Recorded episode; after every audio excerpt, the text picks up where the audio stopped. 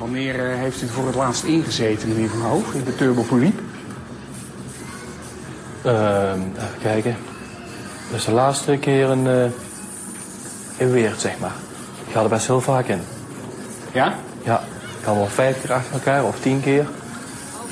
Ik word er niet, eh, niet ziek in, nee. Want wat doet de turbopoliep nou precies? Soms zeg ik, die, maakt, die, maakt, die draait rondjes. En, en dan gaat hij de gondels draaien en eh, de bakjes. En, eh, en daarna gaat hij dan... eh duwt op de knopje. Dan gaat dan die, eh, die bol omhoog, zeg maar. En dan gaat hij, die, maakt hij zo'n beweging dat hij op en neer gaat, zeg maar. U houdt wel echt van de kermis, hè? Ja. Oké, sluit u aan, haalt uw penning aan de kassa, je kunt er mee instappen. Oké, komt-ie. Oké, komt-ie. Speciaal voor jullie. Nice, nice, nice. Here we go. Yes. Stay, stay, stay. Hop, hop, hop, hop, hop, hop. Doe het, doe het, doe het. Wow, wow, wow. Yes, yes. Komt-ie, komt-ie. Maximaal. Ja. U heeft wel heel goed geoefend, hè? Ja. Dit is een special van Televisie, de podcast over Nederlandse televisieprogramma's. Mijn naam is Michel Doonman, tegenover mij zit Alex Mazeo en wij kijken lineaire tv, zodat jullie dat ook gaan doen. In deze aflevering bespreken we het programma Man bijt hond. Een onvervalste klassieker. Ja. Heel populair heb ik ook gemerkt toen wij dit aankondigden op de socials. Het leeft onder de mensen. Hij is aangevraagd door Bram. Eh, wil jij ook een programma indienen en extra content beluisteren? Word dan vriend van de show via de link in de beschrijving. Ja, Alex, eh, verwarrend. Jij bent op dit moment op vakantie. Ja, ik lig aan het zwembad eh, hele intellectuele boeken te lezen. Ja. Misschien wel de biografie van Bert van der Veer, wie weet. Henny Huisman, Jim Bakkum, ook, ook nog steeds te lezen. De weg naar Bakkum. Dus ik heb een hele stapel boeken naast me liggen. Maar we zijn er toch. Ja, we konden natuurlijk niet actueel opnemen. eh, daarom omdat Ik jij. heb heel veel takes die ik nu voor me aan het houden ben. Ja, Ja, toch eh, Domino Challenge. Wat een programma was dat, hè Michel? ik vertrek. Ik vertrek even weg. Ja, ik vertrek. Ja, Race om de ringen. zeker. Kunnen we het allemaal niet over hebben, Nee. omdat jij het eh, vriend van de show geld aan het stuk slaan bent op de Canarische eilanden. Ja, Maar ja, we dachten we moeten natuurlijk wel iets hebben, want anders valt iedereen in een zwart gat op dinsdag. wat moeten mensen dan? Het, het, het, voetbalseizoen is zo goed als afgelopen. Eh, de zomer zijn- staat voor de deur, maar het is nog geen zomer. Mensen die nu acht uur in de rij staan op Schiphol, moeten ook wat luisteren. We zijn verder ook niet echt podcast in Nederland, dus Nee. we zijn toch een beetje de vaandeldragers. Ja. eh. dus we dachten, nou ja, eh, we hebben een paar keer een aanvraag gekregen voor een special, onder meer over man bij het hond. Toen dachten we, nou, waarom niet? Waarom niet? Ach kom, hè? het is Ja. vakantie. Voor niemand Ja. in Nederland behalve voor jou. Eh, dus ja, daar gaan we het vandaag eh, over hebben. Wat korter dan normaal. Beetje anders. Ja, een beetje, het is eigenlijk een beetje een weekend special. Voor, me, voor onszelf ook wel eens lekker, toch? Tuurlijk. Even geen formatje, even geen BN'er van de week, even geen museumstuk. Even gewoon back to basic. Frank, Frank van Neerven die zit nu voedend te Nee, luisteren. maar Frank Ik van Neerven hoezo krijgt alle credits eh, die hij verdient in deze aflevering. Ja. Want die heeft natuurlijk weer een bijdrage geleverd. Zoals we mogen verwachten van de curator. Uiteraard. Ongelooflijk. We gaan het dus hebben over Man bij het Hond. Ehm, misschien moeten we eerst even voor de mensen die het niet kennen... toch uitleggen wat Man bij het Hond is. Het is een eh, oorspronkelijk Vlaams doordeweeks televisieprogramma... waarvan later ook een Nederlandse versie is gemaakt. Het richt zich op triviale, alledaagse nieuwtjes... en gewone onbekende mensen. Eh, het maakt eigenlijk klein wat groot is en groot wat klein is. Mooi. Ja, Ja, ja schud ik uit de merk schud je toch dat dit een weekend special is? En dat je net wat dieper gaat dan normaal. Een beetje contemplatief eh, special is het. eh. Ehm, de Nederlandse versie ging in 1999 Oh. van start. Wie is er niet groot mee geworden? En eh, de Vlaamse versie in 1997. In Nederland is het gestopt in 2015. Een zwarte bladzijde in Ja. de Nederlandse omroepgeschiedenis. Het is dat wij er toen nog niet waren, anders waren wij Oh, naar het Malieveld gegaan oh, oh, met al oh. onze luisteraars. Toen in 2019 tot eh, 2020 is het weer even te zien geweest op SBS. Was niet helemaal hetzelfde. Het was, nou, was ook nog wel leuk. Maar Ja, maar je mist toch, je mist toch die, net, net dat vleugje, hoe zeg je dat? Joie de vivre. Ja, KRO NCRV eh, sausje mis je dan toch een beetje. Ja, maar goed, en toen kwam eh, COVID. COVID-19. En toen, dat was blijkbaar voor SBS een eh, excuus. Ja, toen konden ze natuurlijk lang niet... je kon niet echt meer langs de deuren gaan en zo. Dat was toen allemaal een beetje... Nou, kon dat niet. Je kon er gewoon lekker met een lange microfoon eh, Ja. bij de deur gaan Ja, staan. dat deed alleen Jair. hè. De Ja, rest van de programma's dat waren daar wel... Er is één zo'n hele lange microfoon in Nederland. Die had hier al geclaimd. Ja, toen kon er niemand anders meer natuurlijk. Maar goed, sindsdien is het eigenlijk ook nooit meer teruggekomen. Dus ik denk dat we wel na ruim twee jaar conclude- kunnen concluderen dat Man bij het Hond definitief gestopt is. Ehm. De naam is ontleend aan een grapje van journalisten. Oh. Krantenkop. Hond bij het man. Geen nieuwswaarde. Man bij het hond. Wel nieuwswaarde. Wat leuk, dat heb ik nooit geweten. Nee, dat neem zou- dat al voor lief. Maar kijk, ik leer hier ook gewoon wat van. zouden hè. wij toch moeten weten als doorgewinterde keiharde journalisten. Maar- Toch wel. Maar dit is wel de reden waarom deze podcast straks onder het kopje educatief ook mee kan. ja. Het is ook gemaakt door het eh, Belgische eh, productiehuis Woestijnvis. Legendarisch. Makers van onder meer Slimste Mens ter Wereld. eh, de Mol. Man bij het Hond dus. Zo. De Ideale Wereld. Zo. Zouden we eigenlijk een keer... Kijk, wij zijn trots op Talpa in Nederland. Hier zouden we een keer een eh, special over moeten maken. ja, Woestijnvis. woestijnvis. Ja, ja dat, dat, wordt een, dat wordt een luistercijferknaller. Dat kan niet anders. En in oktober 2011 vond de Nederlandse man bij het hond op het Gouden Televisiering Gala de prijs voor het meest beeldbepalende televisieprogramma in 60 jaar Nederlandse Zo. televisiegeschiedenis, Alex. 60 jaar. Het voelt wel een beetje alsof ik een spreekbeurt voor jou aan het doen ben. Ik weet niet hoe deze rolverdeling eh, zo gekomen is, maar eh, Maar hoe is het nu met je konijn, Michel? ja. Ja, dit, is, dit was een goede spreekbeurt. Ik, ik zou hier wel een acht voor geven als docent eh, maatschappijleer. Het is nog steeds, snap ik niet helemaal waarom ze er ooit mee gestopt zijn. En met ze bedoel ik de Caro en CRV. De kijkcijfers werden wel wat minder. Ehm, maar goed, op zich als je nu terugkijkt, eh, de kijkcijfers ongeveer een half miljoen kijkers per dag. Tegenwoordig noemen we dat gewoon een kijkcijfer Ja. succes. Ja. Destijds eh, eh, werd dat niet zo bekeken. En ze hadden toen wel als vervanging eh binnenste buiten. En Jan rijdt rond kwam in de plek daarvoor. Maar ja, Jan rijdt rond was eigenlijk gewoon ook een, een iets minder aftreksel hiervan. Dus ik snap niet helemaal wat nou de bedoeling daarvan was. Over tv-flops gesproken. Je zou toch ook zeggen dat dit niet gigantisch duur is om te maken? In vergelijking. Nee. Je hoeft geen Ruben Nicolai te betalen. Hè? Geen Martijn Krabbe. Geen Geen Chantal Jansen. Geen ballonkunstenaars. Geen Caroline van der Plas als deelnemer. nee, dus je zou zeggen dat moet toch best wel te doen zijn. Maar misschien Ja, lopen we een beetje op de zaken vooruit nu. maar de kijkcijfers dalen wel een beetje in 2015. Dat kwam vooral omdat eh, op hetzelfde moment, op hetzelfde tijdstip in de avond, De Wereld Door werd uitgezonden. Ik weet niet of jij er wel eens van gehoord hebt. Beetje cult gebleven altijd. Hè? Ja, ja, maar dat, dat heeft ze toch gebroken, denk ik. En het programma duurde natuurlijk 16 jaar. En ik denk dat, dat een eh, niet zo wijs iemand bij Caro NCV dacht van... Het is mooi geweest, de koek is op. Maar ik kan jou verklappen, Michel, de koek was helemaal niet op. Nee, want wij hebben dus vandaag eh, research gedaan. Ja, Eh, we hebben heel veel reacties gekregen van mensen over de eh, ja, items, de fragmenten die we moeten bespreken. Gaan we straks allemaal doen. Maar eerst wil ik het even hebben over. Dit was natuurlijk de doorbraak van de gewoon ongewone Nederlander. Onder meer legendarisch, de Veerkampjes. Ik vind vooral het verhaal over hoe Nel Veerkamp gescout is heel goed. Daar heeft een van de makers over verteld. Die zei, we, we belden per toeval aan eh, bij een woonboot. En we zagen haar daar op de computer patiënten met de checkie erbij. Terwijl ze de vrachtwagens op de eh, A1 bekeken en die telden. Ja, ja, ja dan, dan ben je binnen.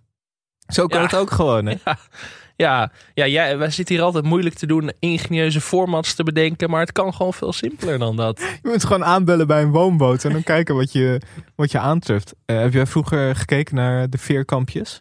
Ja, maar sowieso man bij het hond eigenlijk wel. Ik, ik zat heel veel fragmenten terug te kijken voor deze aflevering. En ik bedacht me van, ik heb hier echt heel erg veel van gezien. Volgens mij stond dit letterlijk elke, elke avond aan in Huizen Maasreel dat het werd uitgezonden. Ja. Mijn ouders waren ook groot fan. Dus het was gewoon in die vooravond stond dit vaker aan dan De Wereld Draait Door op een gegeven moment. En Oh. dat is, dat is, Dat is een wel, eh, statement. dan moest ik weer De Wereld Draait Door gaan terugkijken elke keer. Maar ja, het, het programma is toch, heeft zich toch best wel goed genesteld in mijn culturele geheugen. En toch ook wel in dat van ons, denk ik. Ja, ik denk sowieso wel echt dat het een van, wel een van de meest iconische Nederlandse programma's ook. Je ziet ook zeg maar in verwijzingen aan eh, eh, binnen populaire cultuur, om het zo te Mm. zeggen. We hebben natuurlijk laatst met Roel Maaldrink nog over gehad, die een soort van man bij het hondachtige sketch toen ook met Angela de Jong eh, had.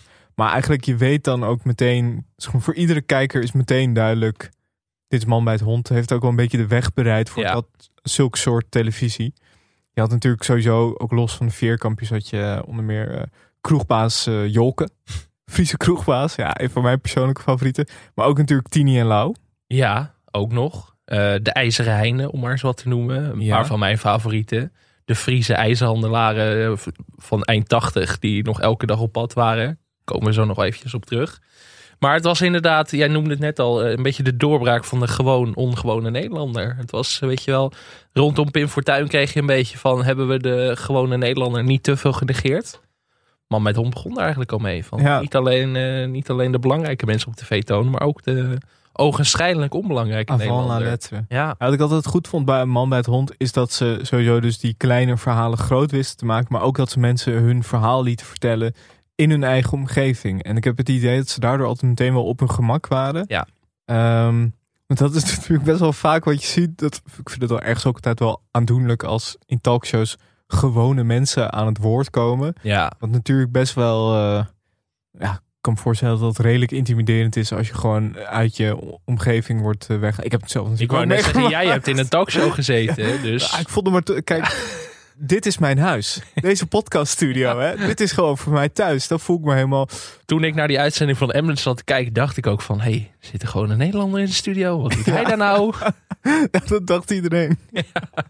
Ehm, nee, maar dat, dat vind ik wel goed. Ik heb wel het idee dat dat hele huiselijke, dat dat er ook gewoon bij hoort. En dat Ja. daardoor, eh, ja, dat je mensen sneller in hun, in optima forma ziet, om het eh, zo maar even te zeggen. Mooi. Ja. Ik moet het meteen ook even hebben, want dat zie ik hier staan in eh, het draaiboek. Over de mislukte SBS-herstart. Jij hebt, Ja. ja, mislukt heb jij een vraagteken gezet? Ja, omdat ik denk, misschien is het leuk om... eh, is het een geslaagde terug herstart geweest? Heb jij het nog gekeken toen het op SBS werd uitgezonden überhaupt? Ik heb het een paar keer gekeken, maar het was toch een beetje anders. Maar er zat natuurlijk ook veel tijd Er zat tussen. vier jaar tussen, ja. Dus je weet niet zo goed. Ik weet niet zo goed in hoeverre ik nog steeds had gekeken als het gewoon door had gelopen bij, eh, bij de KRO NCRV. Ik moet zeggen, ik heb wel wat eh, fragmenten nog gekeken vandaag. En toen dacht ik, ja, het verschilt eigenlijk ook weer niet zoveel. Nee, Toch? Eigenlijk, ja. nee, het is meer dat wij er nooit meer echt aandacht... Ja, volgens mij is het programma ook dus inderdaad gestopt voordat wij überhaupt met de podcast begonnen. Toen maar hadden wij ook hele andere dingen aan ons toen hadden wij hele andere eh, prioriteiten. Nieuwe. Uri Geller. Ja, nee, maar Oh, pandemie. pandemie raast over de wereld, ja. Pandemie, ja. Maar Goed, nu Hadden we weer. maar meer man met hond gekeken in het begin van de pandemie. Ja, Maar eh, dat terzijde. Maar er zat natuurlijk best wel. Er zat inderdaad vier jaar tussen de, het einde en de doorstart. En ik moest ook een beetje denken aan Lingo, dat natuurlijk ook terugkwam op SBS6. Maar het bepaalde toch het culturele debat niet meer. Ik vind dat toch wel. Daarvoor natuurlijk wel. net Daarvoor natuurlijk wel dat Jean-Pierre Gele in de Volkskrant gewoon elke dag over Lingo schreef. Ja. Over de wilde plot twist. Ja. NRC had ook een, een lingo bulletin, als ik me goed ja. herinner. Best gelezen stuk Ja. altijd elke Hugo dag. Kamp schreef daar natuurlijk ook altijd over. Nee, maar eigenlijk, eigenlijk was het best wel hetzelfde, toch? Je had gewoon nog steeds Michael Abspoel, de vaste eh, voice-over. Je had ook nog best wel redelijk wat dezelfde personages tussen aanhalingstekens. Michael Afspoel gaf zelf ook aan dat de zendermanager eh, van NPO 2 het publiek te oud vond. Nou, dat durf Ja. ik te betwisten als ik de reacties vandaag zag. Nee, Wij hebben natuurlijk een knijterjonge achterban. precies. Alleen maar jonge, jonge goden en godinnen. Ja, de droom van elke De reclamemaker. droom van elke reclamemaker. Ik, eh, maar toch op SBS, het leeft het totaal niet meer. Ik vraag me dan toch af of dat door, door het verstrijken van de tijd kwam. Of door, eh, ja, doordat het gewoon misschien dan toch op was of zo. De kijkcijfers waren ook niet per se denderend meer op SBS 6. Nee, en toch is het gek, want ik weet nog wel dat in 2015, toen het programma stopte, had je ook de Man bij het Hond Bedankt dag. Die in, volgens mij binnen een dag ook eh, uitverkocht was. En er waren allerlei, allerlei petities, ook met bekende Nederlanders, die zeiden dat het programma niet mocht stoppen. Maar ik denk dat het ook wel een beetje het verschil tussen NPO en SBS is. Misschien dat het bij NPO is het toch wat meer highbrow en wilden mensen er echt voor in de bres springen. Ik heb het idee dat dat bij SBS minder het geval is. Toch, het is misschien wel wat, wat ja. Ik denk dat het wel anders is, toch? Dat dat ermee misschien ook wel heeft meegespeeld. Want ik heb het idee dat het best wel, nogmaals, We hadden andere dingen aan ons hoofd. Eh, we waren allemaal naar Appie Osterhaus aan het kijken. maar gevoelsmatig is het best wel geruizeloos verdwenen. Ja, dat is wel zonde. Want inderdaad... Samen jij- met Lingo. Samen met Lingo. Godverdomme heulen. Jan Versteeg terug bij Ja. Lingo. Maar inderdaad, jij had het net over die petitie. Ik heb hier even de tekst voor me. Na 16 jaar is besloten dat het mooiste tv-programma van Nederland moet verdwijnen voor een nieuw, tussen haakjes, ideetje. In 1999 trapte het programma altijd op zoek naar wat mensen bezighoudt af. Man bij het hond wordt gelauwerd om de manier waarop klein nieuws groot wordt gebracht. En won in 2012 inderdaad, of 2011 nog, de prijs voor meest bepalende tv-programma. Op het Mediapark in Hilversum is de zendmast zelfs naar het programma vernoemd. Om maar eens wat te noemen. Nou, Er zijn genoeg andere programma's die van de buis gehaald hadden kunnen worden voor een nieuw idee. Laat man bij het hond blijven. Dat is dus uiteindelijk gebeurd. Maar toch, toch merk je niet meer die echte, echte doortastendheid van de mensen. nee. Misschien kunnen wij dat eh, inluiden met deze aflevering. Tuurlijk. Eh, ja, als je luistert en je wilt heel graag dat het weer terugkomt. Petitie. ja. Ja, tuurlijk. Dan zit jij le- ben lekker op vakantie. Mag ik die petitie gaan eh, modereren? Moet jij hem aanbieden aan John de Mol. Oh, ja. Ja, Ik zie het al voor me. Ja. Van. Paul Reumer. Ga ik meteen even langs Jan Slachter. Even kijken of daar nog wat te regelen valt. Ehm, mijn persoonlijke favoriete onderdeel was de Babbelbox. Mm. Zullen we daar eventjes over hebben? Want Ja. voor de mensen ook weer die de Babbelbox niet kennen. eh, als startpunt werd meestal een typische anekdote uit het nieuws genomen. En vervolgens kwam er dan een vraag als... Bij wie zou u achter de voordeur willen kijken? Voor wie neemt u uw hoed af? Wanneer sloeg u de plank mis? Waar valt u van in slaap? Welke wens wilt u uitspreken? Maar ik heb een eh babbelbox meegenomen. om eventjes te illustreren wat een beetje de kracht volgens mij was van, eh, van dat segment.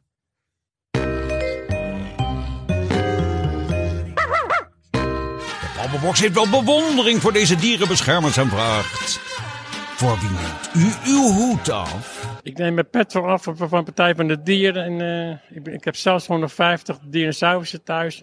Partij van de Dieren. Hier wil ik Top. meteen meer over weten. 50 Ik neem een hoed af dinosaurussen. voor alle pakketbezorgers en couriersdiensten die Mooi. in deze drukte van 7 uur 's ochtends tot veel te laat, terwijl ze geen shit betaald krijgen, alle pakketjes op tijd bij ons bezorgen. Dankjewel. Mooi. Lionella Zelf, op de zelf Filipijnen die al jaren op me wacht. bestelt het Wij kijken altijd naar Chateau Meiland. Lionella op de Filipijnen. wil ik ook meer over want Daar weten. kunnen we allemaal wat van leren, want zij gewoon lekker zelf. Ik neem mijn hoed af voor de boeren. Ze mogen nou eens een keertje hun poot stijf houden en protesteren. Zo.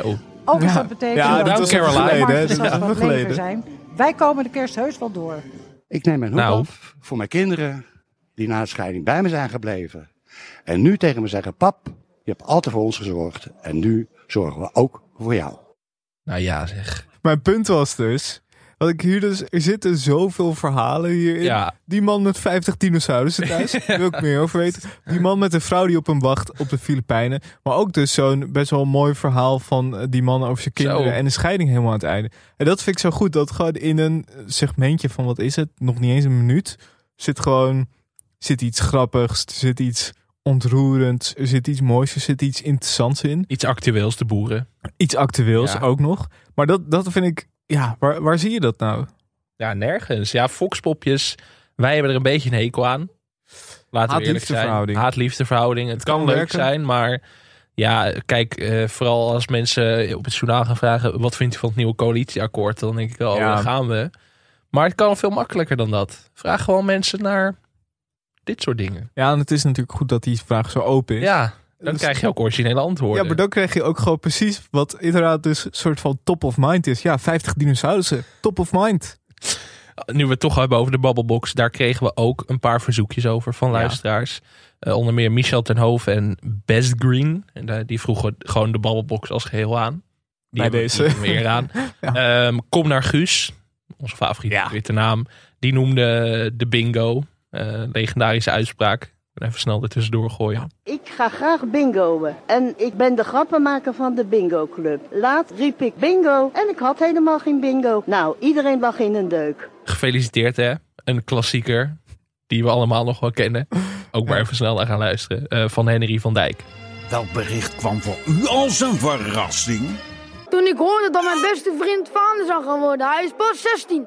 En het kind is gisteren geboren. Gefeliciteerd, hè? Ja, heerlijk. Maar dat is toch ook, ik vind dat leuk dat mensen het aanvragen. Want blijkbaar die babbelbox, die zulke korte momenten, dat toch in het collectieve geheugen. Ja, vooral omdat opvalt hoe open mensen dan zijn of zo. Kijk, Nederlanders toch vaak misschien geneigd om het een beetje bij zichzelf te houden.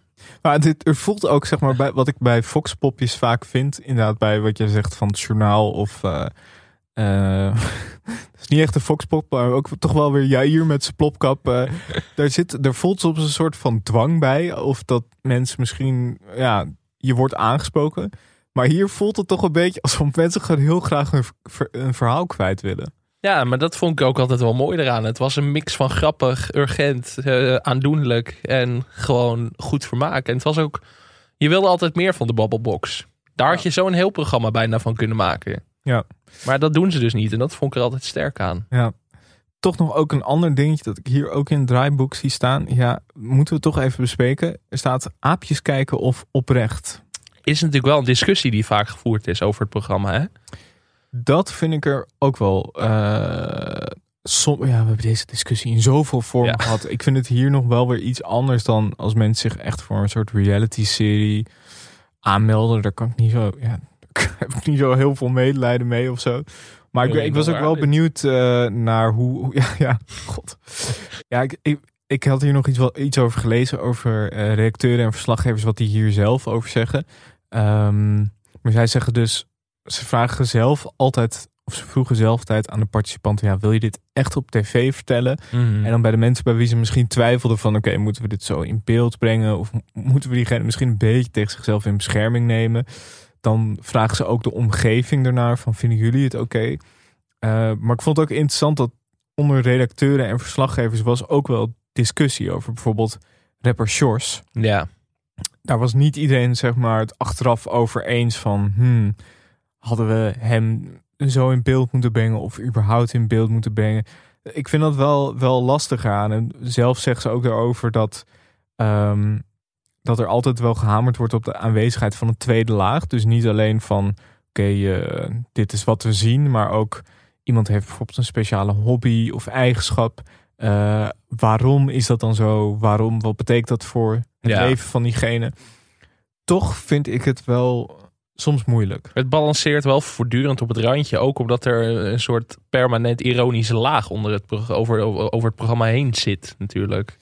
Ja. Dat zit er wel vaak in. En dat, dan kan dat wel eens botsen met, met items. Dat het, of, dat het of zo dik erbovenop legt dat het een beetje pijnlijk wordt. Maar heel vaak vond ik het juist wel dat mensen in een natuurlijke habitat gefilmd werden. En ook wel ja, zich redelijk bewust leken van eh, wat de gevolgen daarvan zouden kunnen zijn. Maar het, het ging daar ook wel eens overheen. Ik bedoel, dat is ook waar wel meerdere keren kritiek op is geuit, volgens mij, in de geschiedenis van Man bij het Hond. En dat kan ik ook Ja. wel begrijpen.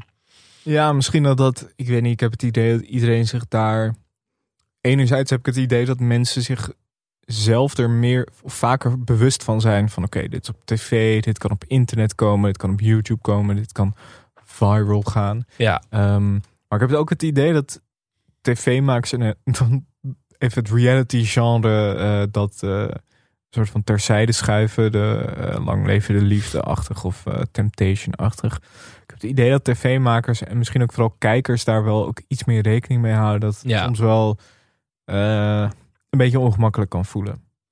Ja, precies. En inderdaad, de rapper Shores is dan een voorbeeld van waar het hem gewoon iets te ver is doorgeslagen waarschijnlijk. Maar bijvoorbeeld de vierkantjes Ja, dat wou ik al zeggen. Dat is dan, ja.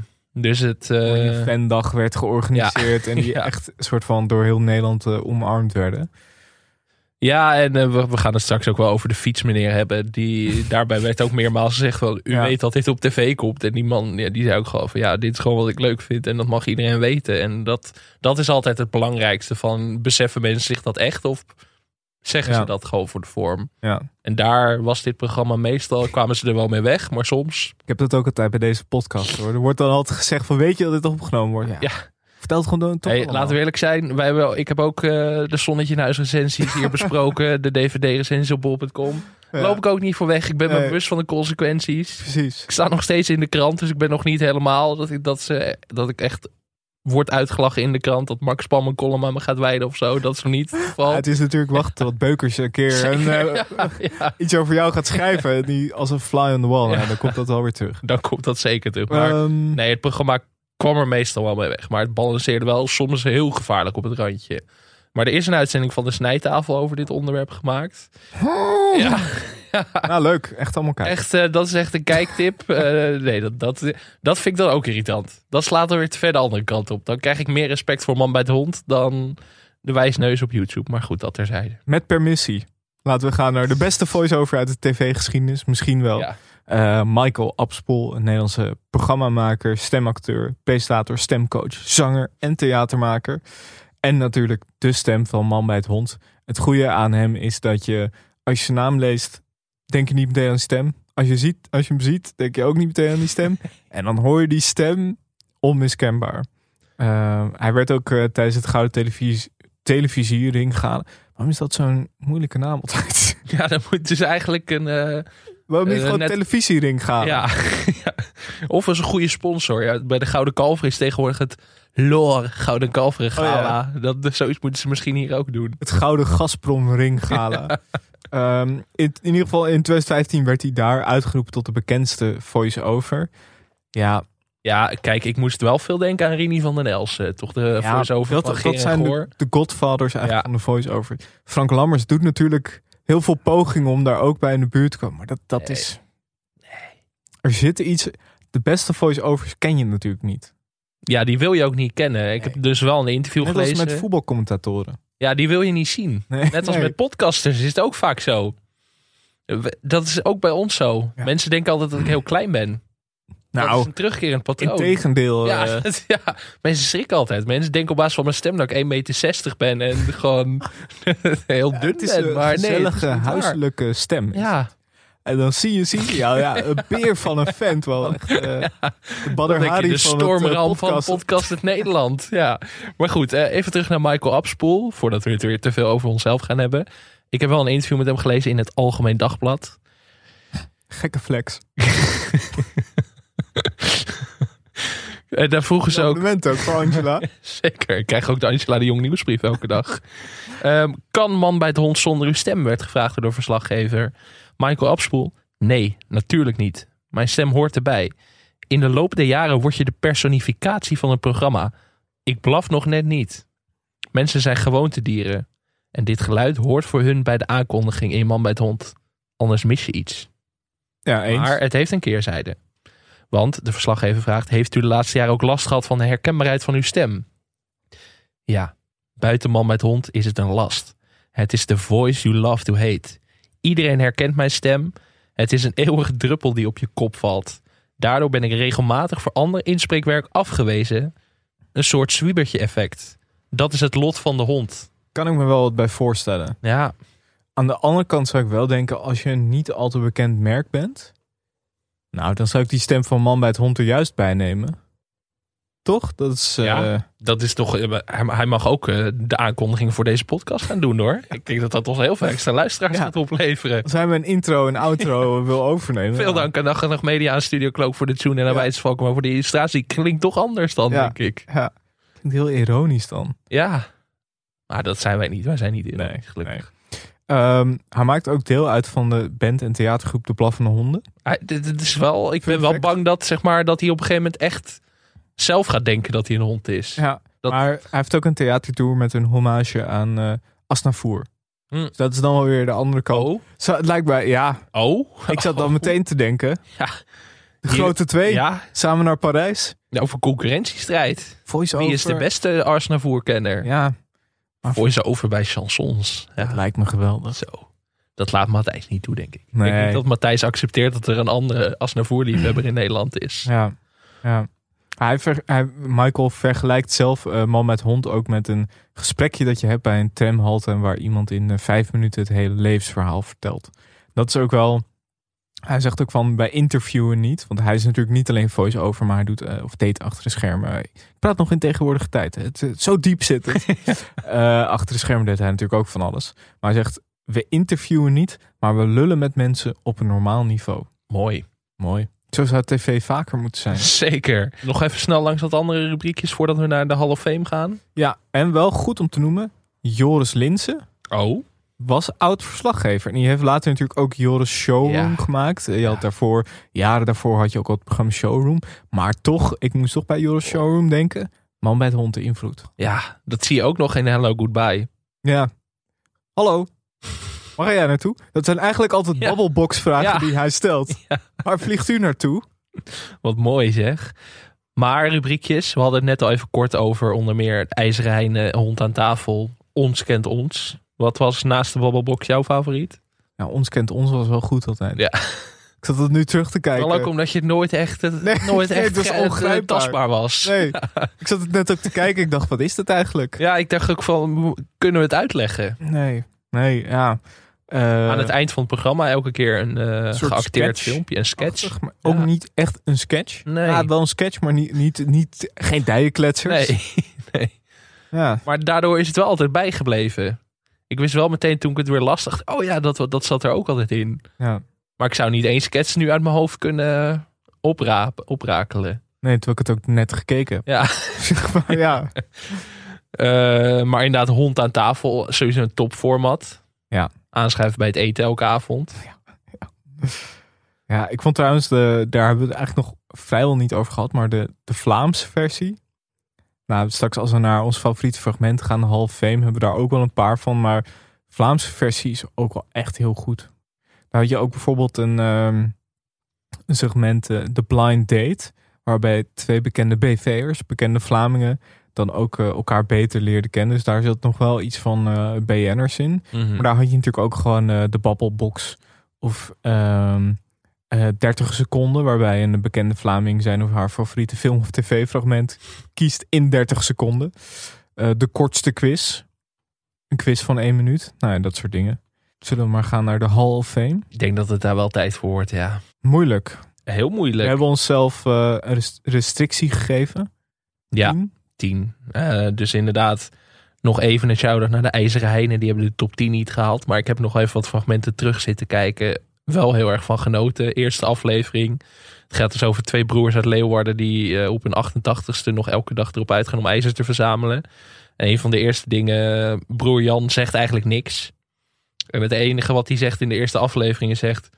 Man bij het hond, kennen jullie niet zorgen dat ik een mooi wijf krijg? Heb ik liever dan oud ijzer. gewoon de hele rubriek onderuit halen in de eerste aflevering. Je had gewoon een datingprogramma moeten maken met die man. Ga je op ijzer jagen? Die man heeft helemaal geen zin. Die moet ook de hele tijd achter die- met die rollator achter die andere broer aan. Ja, dat, dat vond ik toch even mooi om te benoemen. Ja. Mijn eervolle vermelding.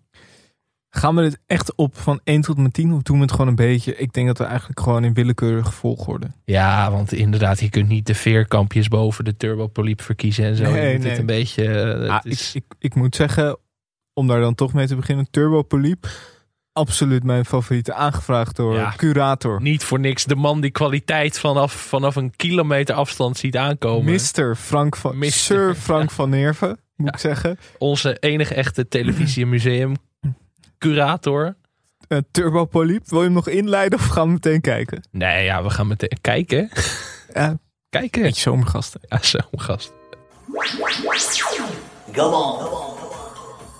Allerlekkerste lekkertjes. Hey, come on. Dit moet je voelen. Simply the best. Come on. Meneer- Meneer Van Hoof, heeft u enig idee hoeveel mensen uw filmpje bekeken hebben? Ik denk heel veel. Ja, dit is, deze is ook echt miljoenen keren bekeken op YouTube. Het is ook een eigen leven gaan leiden. Zoals best wel veel van deze eh, fragmenten. Nou, Ja. dit is dus perfect, omdat dit hele item heeft een soort universum gecreëerd waar ik echt nog no waar ik nooit rekening mee had gehouden. Nee, nee. Ik bedoel, ik heb ook wel eens in een turbopoliep gezeten. dan denk je toch, ja. Ja, wat, wat voor werk zal het zijn om dat dan eh, dat, dat de hele tijd te doen? Ik moest ook denken aan een hele plan. Ja. Ik zou dit heel goed kunnen. Die is hier geknipt worden. Maar ja, echt, er gaat een wereld voor je open. In acht minuten leer je gewoon de mensheid in volle glorie kennen. Het is, het is vooral die timing van met alleen die... Oké, let's go. en dan gewoon even die stilte daarna. En dan, ja, ja goed. Nee, maar wij kunnen het niet. Het is Ja. echt, echt wel een vak. Dat is het belangrijkste. Maar ja, we hadden natuurlijk eerst het filmpje over Hans. Of, eh, of over Michael van Hoof. Die Ja. natuurlijk één groot idool heeft. Turbo Police speaker Hans. En die daar dan toch uiteindelijk op een soort van bedevaart naartoe mag. Hij gaat er En op een vaderlijke manier ontvangen wordt. heel mooi. En dat is voor hem een soort wereldster. En dan, ehm, ja, er is maar één turbopoliep. En dat is de turbopoliep van Hans van Tol. ja, dat soort dingen. Het is, Die hele naam Turbopoliep. ja, Dat, dat, dat is eigenlijk al het beste. En ja, wat het allermooiste was, vijf jaar later kregen we gewoon een sequel. Ja. En ik mag wel zeggen, toch een beetje de, de Godfather 2 onder de tv-sequels. levert. Nog beter dan het origineel misschien wel. Want we leerden daar eh Yuri kennen. Ja. Een jonge turbopoliep. eh Fanaat. Fanaat, ja. En het, ja, een van de allermooiste beelden uit de Nederlandse tv-geschiedenis is toch wel dat, dat ze samen Ja, naast elkaar zitten. voor die Lego set zitten. Dat Beetje beeld is me altijd bijgebleven. kleine stoelen. Ja, te kleine stoelen. Ja. Ja, ja, dat is gewoon een iconisch tv-beeld. Ik bedoel, alleen daarom heeft Man met Hond terecht toen die eh, prijs gewonnen voor Ja. beste tv-programma uit de afgelopen 60 jaar. Of belangrijkste. Maar echt dat, dat, gewoon dat, die snippet van twee seconden. Oké, let's go. Dat is gewoon... Ik, ik, ik weet ook nog de eerste keer dat ik dat zag, dacht ik ook, waar is het eigenlijk van? Ja, oh tuurlijk. Oké, let's go. Maar volgens mij is dit ook gewoon, kan dit niet verifiëren. Er moeten luisteraars maar even bij helpen. Volgens mij is dit ook wel internationaal goud. Als je ziet hoe vaak dit gekeken is op YouTube. wel. Maar er ontstond een hele fanschare ook natuurlijk eh, voor Michael. Bijna een BN'er geworden. Hij Ja. vertelt ook in de sequel dat een jonge dame hem laatst had benaderd om samen in de Turbopoliep te gaan. Kijk aan. Ja, dat is, ja, dat is toch, dat is toch, dat is even Michael goed gedaan eigenlijk. Ja. Achteraf, maar ja, kijk, we beginnen ermee, maar dit is denk ik toch wel echt mijn favoriet nog Ja, steeds. ik kan maar dit ik is zo'n open deur dat, ja, Ik kan niet eindeloos naar kijken. ja, ik doe het ook wel vaak af en toe gewoon. Even, el- elk jaar zet ik hem wel even een keertje aan. Oh, aanzetten. Niet dat je thuis, eh, je aan het schrijven bent. van, Oké, let's go. Dat- Nog net niet. Eh, zullen we gaan naar, deze is wat minder bekend, maar ik zag hem voorbij komen. Ik vond hem zo grappig. Eh spreeuwen. Ja. Moet ik, moet ik hem nog uitleggen? Dat, ja, een man, een man die houdt van spreeuwen. En die rechtse spreeuw die doet af en toe grommen, dat je het verstaan heeft. Kijk, en zo gaat het daarboven als er geen mensen zijn, die hebben onderling ook wel eens een ruzietje. Trouwens ook een prachtige vogel die wij. En dit is ook een schitterende spreeuw. Slanke kop, mooi glimmen in de zon. Die schoten wij vroeger allemaal dood. Heel goed. Ja, maar dat had man met hond ook altijd wel goed. Goeie, goeie punchline. Goeie clue. Ja. Venijn zat altijd in de staart. Ja, en dit, ik vond ik hier ook leuk aan vond.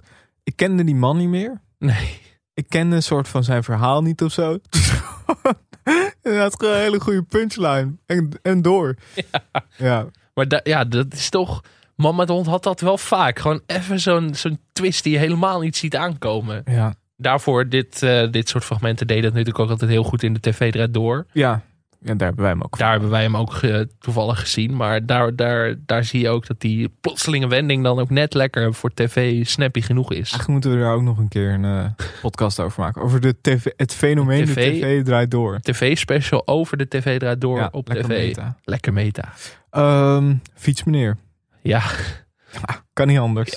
Kan niet missen. dit, dit is wel het... Ja, dit... Ja. We moeten maar even een stukje luisteren. Want ik kan me voorstellen dat niet iedereen het eh, scherp op het eh, netvlies heeft staan. Fietser zit tegen me te praten. Ze wil naar binnen toe, want ze heeft het koud en vindt het veel te nat. Is goed, fiets. En eh, mijn fiets heet Cheetah, maar dat wist je misschien wel. Ik werd hier wel een beetje ongemakkelijk van toen ik dit weer terug zag. Hier dacht ik al van, hoe gaat het programma hier over het randje heen? Ja. Het heeft natuurlijk ook wel weer... Het heeft charme. Ja. Maar inderdaad, ik snap, ik snap de, het onbehagen, snap ik. eh, Ja, er ik staat gewoon... Sorry. Zo. Ja, het is nog steeds het stemmetje. Tirana komt terug. Tirana, ja. Ja, er zaten wel, wel legendarische quotes in, zoals...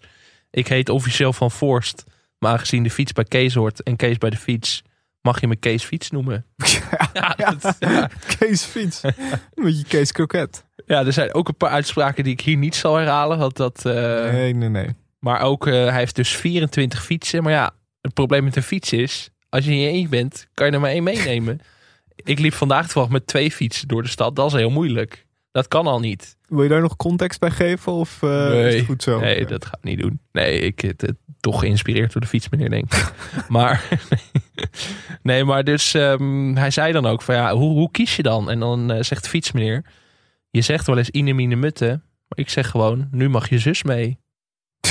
ja, dat- ja, ja, het is eh, een beetje de oervader van de polyamorie in Nederland, maar Ja. dan met fietsen. Zo zou je hem een beetje kunnen omschrijven. Ja. Maar hij zegt dus wel, en dat vond ik dan wel mooi, ik vind het niet erg dat ik op tv kom, want zo ben ik gewoon.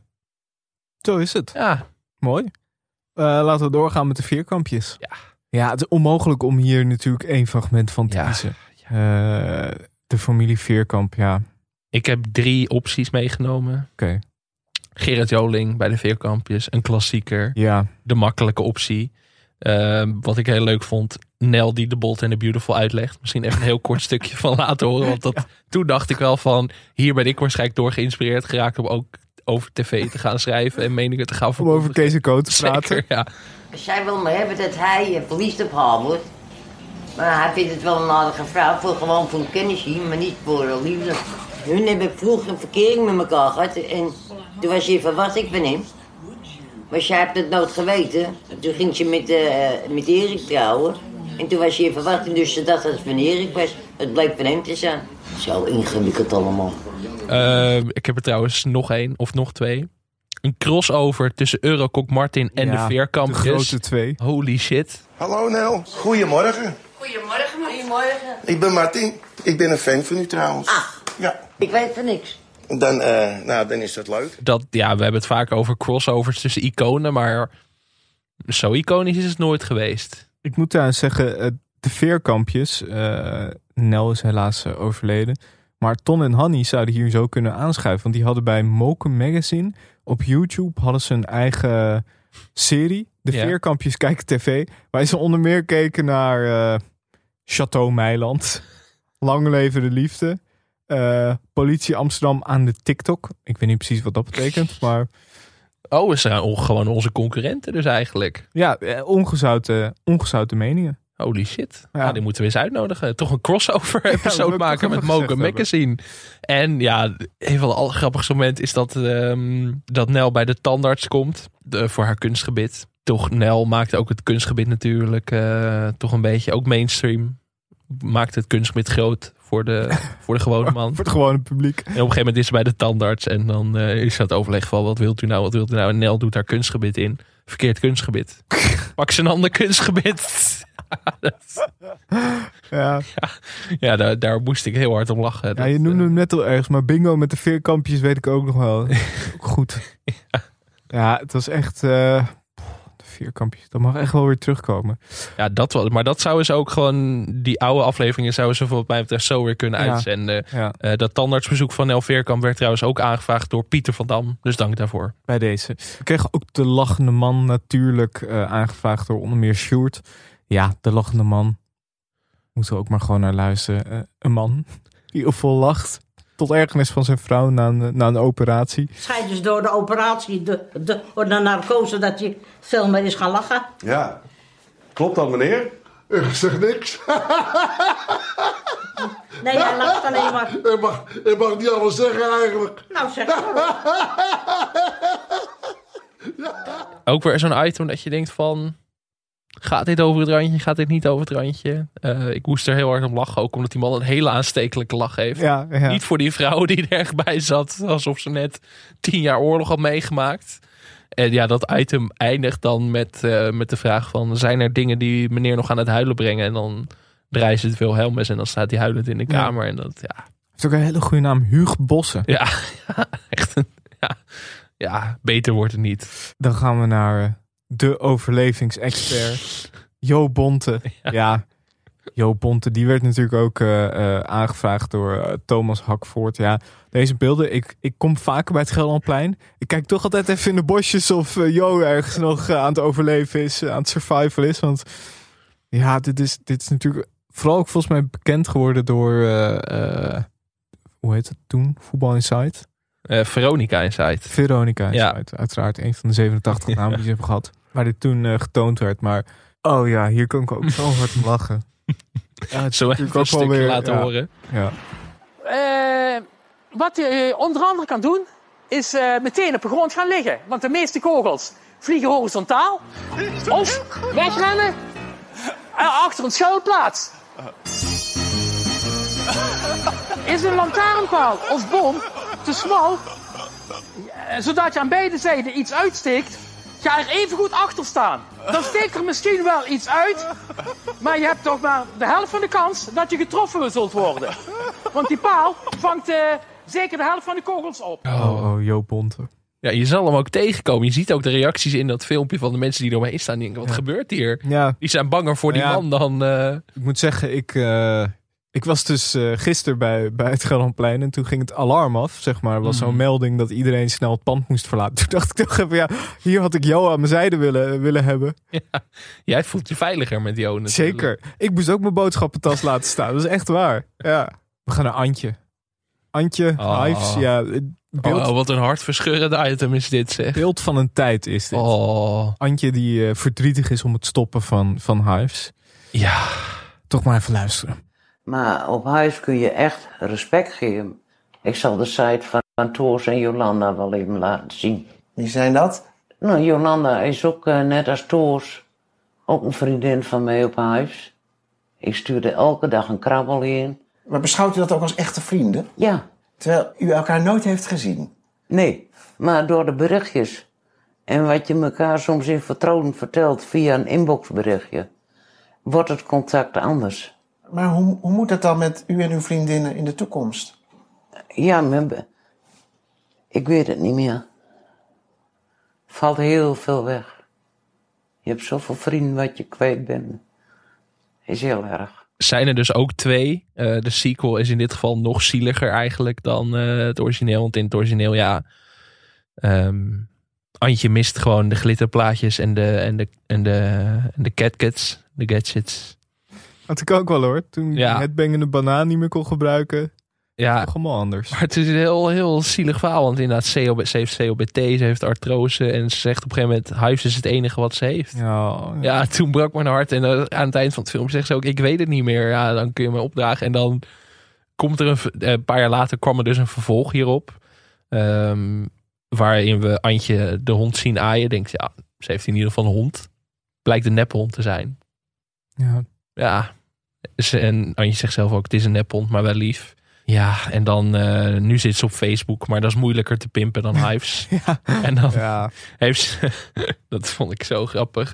Ze heeft dan gewoon foto's van modellen en daar heeft ze haar eigen hoofd van 30 jaar geleden opgeplakt. En die gewoon online gezet. En dan vragen mensen van, eh, of dan vragen de verslaggevers, zijn er dan ook mannen die contact zoeken? En dan, eh, dan sluit Antje af met de wijze woorden, ik heb mijn tijd gehad. Ja. Ja, hartverscheurende item, maar... Ik hoop dat het goed gaat met Ja, ik hoop het ook met, ja, en dat het goed gaat met de nephond. Want het is Ja. echt een aaneenschakeling van zielige, zielige momenten. Laten we gaan naar de diefstal van de kerststalletjes. Ook een Vlaams eh, fragment. Ja, we, we spelen even vals. We hebben de Vlamingen geboycott naar het Songfestival. Ja, Vooral de Walen natuurlijk trouwens. Maar de Vlamingen mogen dus nog wel. Maar ja, dit is zo'n fantastisch item. Want het, eh, ja, eh, het is kersttijd en de kerststal wordt leeggehaald. Dus Jezus wordt gestolen. De drie wijzen uit het oosten worden weggehaald. Ja. Ik weet ook niet wat er in een kerststal staat. Maar die worden, die worden leeggeroofd, geplunderd. Ik vraag me af wat je daarmee doet.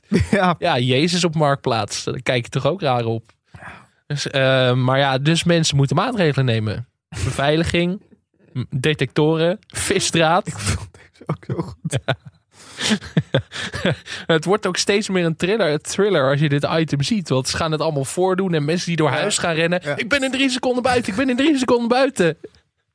Ja, en dan dat ze ook als een soort Clint Eastwood voor het raam zitten. Het geweer ontbreekt nog, maar echt zo op de veranda zo van... nu heb ik je als je nu langskomt, maar... Oh, oh. Ja, dit was, dit was echt heel goed. Maar dit is dan weer zo'n voorbeeld dat je denkt van... Wat heerlijk dat je hier lekker druk om kunt maken. Ja. En dat, dat wij daar naar mogen kijken. Dat vind ik heerlijk. Fantastisch. En het is ook, je gaat meeleven met die mensen. Je denkt, Ja. godverdomme, ze komen niet meer aan Jezus nu. Ja. Maar ja, de Vlaamse, ja, wat ook heel erg goed. De ene laatste. Tini en Lau.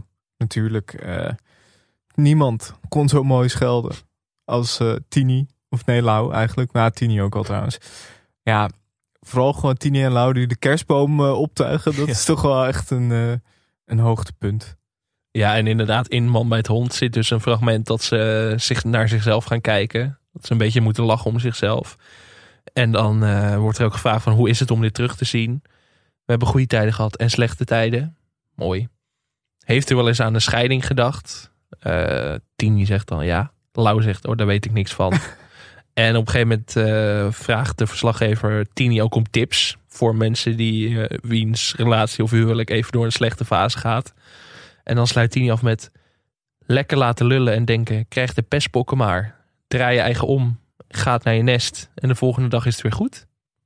Kijk. Ja, dat vond ik zo mooi. Wijze woorden. Wijze woorden. Tot slot nog even Lenen van de Buren. Ja, deze vind ik zo goed. Eh, dit is echt een legende. Eh Eugène, die eh, wereldwijd viral ging, ook gewoon jaren later. Aangevraagd door onder meer Simon Slegers. Je moet denken, oudere Vlaamse heer. Een heel klein autootje. en een nog klein, of nou ja, bijna nog kleinere garage. Ja, deze, deze moet je eigenlijk kennen, maar toch even naar luisteren. Dan moet ik de verloopmeter zitten, nee, anders kan het niet binnen. Hè? Ah ja, men, men noemt dus een meter 49. Een meter 49 centimeter is mijn nottenbreed. En daar is een meter 55 binnen. Dat doet hem ik 6 centimeter, zie, al daar 3 centimeter en al daar 3 centimeter. Die, dat, dat, dat sponsje heb ik eraan gedaan, even. En nooit niet tegen te met de auto, hè, omdat ik omdat ik dat heb. Ik heb maar zoveel, hè, en daarmee moest ik, ja, ik mag toch tegen de muur rijden, hè, meneer. En daarmee heb ik dat eraan gedaan, hè, en daar ook, hè. Ja, dit was onze Hall of Fame. We hebben natuurlijk ook nog wat eervolle vermeldingen. Ja. Ehm, Dolle Dries kregen we doorgestuurd door Ed eh, Jonge Jonga. Eh, Smurfen. Ja. Die was ook heel goed. Ja, die is niet aangevraagd, die heb ik nog erbij gezet. Omdat ik die wel heel goed vond. Heb ik net ook nog gekeken. Eh Fruitcorso in Tiel door eh Chaka Bram aangevraagd. Rapper Sjors door Niels. Simone Kleinsma op de trekker. Ja, ja. BN'ers in Man bij het Hond door eh, Joël Knobbe. Heb ik even terug zitten kijken, was heel goed. Ja, Simone Kleinsma, dan heb je ja, ons. dan, eh, ja dan, ben, dan ben je binnen. Eh, Erika van de Kattenband Vlogs, aangevraagd door Nick. De Hond, aangevraagd door Ronald Harmensson. Ja, dat is gewoon een pseudoniem van, van Michael Abspoel, denk ik. ja. Ja, Jan Stam. Jan Stam ook goed hoor. Ja. Oh, gekeken. Ja, inderdaad. Maar we, hebben, we, we zitten aan de tijd. We kunnen Ja. niet alles meenemen. IJzeren Heine, de veerkampjes Ronnie en Penny, aangevraagd door Bulletje. En de voice-over in het algemeen, aangevraagd door eh Merel. Nou ja, Michael Abspoel bij deze. Klein monumentje nog voor hem. Ja, het was, eh, ik vond het echt genieten om het allemaal weer terug te kijken. Ja, en inderdaad eh, ook nog een shout-out naar Robin Visser... die het einde van Hives ook had aangevraagd. Volgens mij hebben nu alle luisteraars die tips hebben ingestuurd besproken. En de rest ook bedankt. Ja, ja als je nu nog Ja. iets instuurt, we zijn al aan het opnemen. Dus helaas, eh, Alex zit al op de Canarische eilanden. Daarom, ja. Ehm, Maar ja, ik, eh, hoe was het om alle fragmentjes weer terug te zien en in, de, in het programma te duiken? Maakt het jou nostalgisch? Maakt het je hongerig naar meer? Het, het maakt me wel echt nostalgisch. Ik dacht wel echt een soort compilatie zou je ook alweer... In de zomer is er natuurlijk altijd weinig te zien op tv. Ik zou een eh, kleine rehabilitatie van Man bij het Hond desnoods als onderdeel van een programma of zo. Ik denk al die talkshows zitten allemaal te zoeken naar... Ja, wat moeten we nou doen? Eh, segmentje dit, segmentje dat. Doe gewoon... eh, hier, gewoon een klein blokje Man bij het Hond. Je hebt een mega babbelboxje. archief. Een babbelboxje. Ja, maar of gewoon een nieuwe babbelbox Ja. kan ook gewoon. Ja, gewoon, gewoon niet?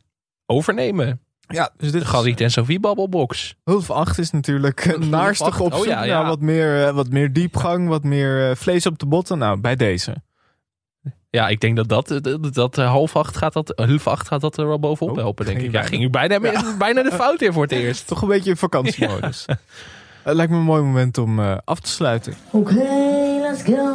Vind je deze aflevering leuk en wil je meer van ons? Vergeet dan niet te abonneren. Laat een reactie achter op iTunes en geef ons sterren op Spotify. Je kan ook vriend van de show worden voor extra content. Dat kan op vriendvandeshow.nl slash televisiepodcast. Complimenten mogen publiekelijk gedeeld worden. Maar vergeet ons niet te taggen via het televisiepod. Je kan ons ook mailen via televisiepodcast.gmail.com. Veel dank aan Dag en Nacht Media, aan Studio Cloak voor Tune en aan Wijts Valkema voor de Voor de illustratie. Ja, ja. Tot volgende week. Tot dan.